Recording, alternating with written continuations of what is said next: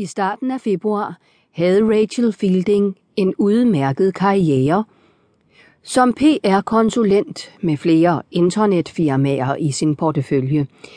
En kæreste, der kom med blomster med jævne mellemrum og gik bedre klædt end hende.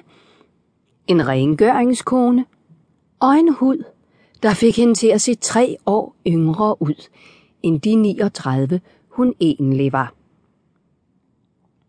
Ugen efter var det på en gang lykkedes hende at miste sit livs største kærlighed, sin lejlighed i Chiswick og sit job.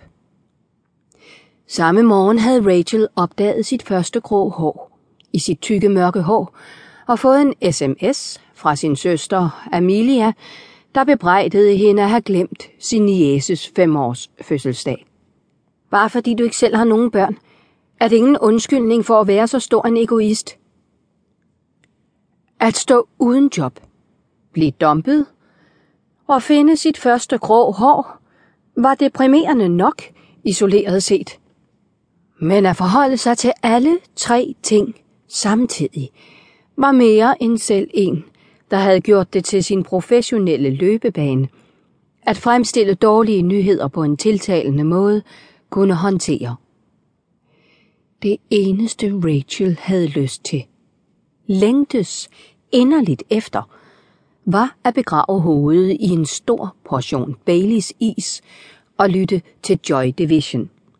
Men i stedet sad hun på en plastikstol på et advokatkontor i Longhampton, en lille by, hvor det at handle ind på nettet stadig var ukendt, og lyttede til en forelæsning om arveafgifter afholdt af en ældre herre, der blev ved med at referere til hende som Miss Fielding og til sig selv som undertegnet. Rachel havde lige arvet, hvad Gerald Flint til undertegnedes glæde ville kalde et anseligt bo.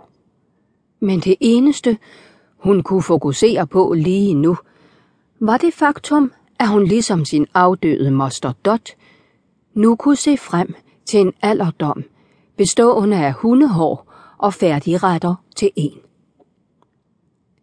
Hver gang hun forsøgte at fokusere på sin nye rolle som bobestyrer og mere eller mindre enearving til hele Dots dødsbo, der bestod af et stort hus, et hundeinternat, hunde, flere hunde og endnu flere hunde, dukkede Olivers forræderiske mørke øjne op for hendes indre blik som en masochistisk pauseskærm.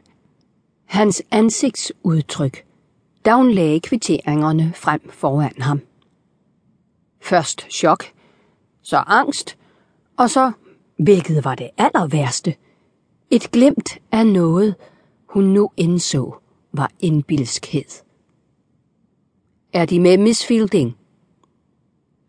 Rachel rystede billedet af sig og tvang sig selv tilbage til nuet.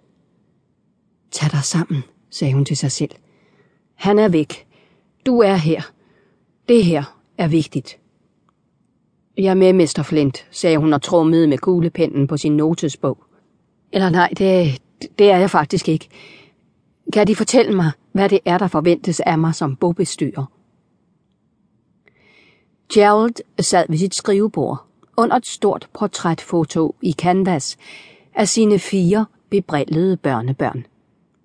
Til højre for ham sad en blond kvinde i tyverne, der til syneladende drev Dots hundeinternat, og på gulvet ved siden af hende sad en slukøret sort-hvid border collie. Rachel havde glemt, hvorfor hunden var med. Men Dot havde jo været kendt i familien for at være helt gal med hunde. Gal var Rachels mors kortfattede diagnose. Rachel selv syntes måske ikke, det var så mærkeligt. Især ikke holdt op imod morens eget rengøringsvanvid. Det var ikke utænkeligt, at hunden var en slags medbobestyrer. Gerald tolkede hendes Oliver foranledigede mentale fravær som et udslag af sorg. Det er meget at forholde sig til, men vi er her for at hjælpe dem. Skal jeg tage det fra begyndelsen? Rachel bladrede en side frem i notesbogen.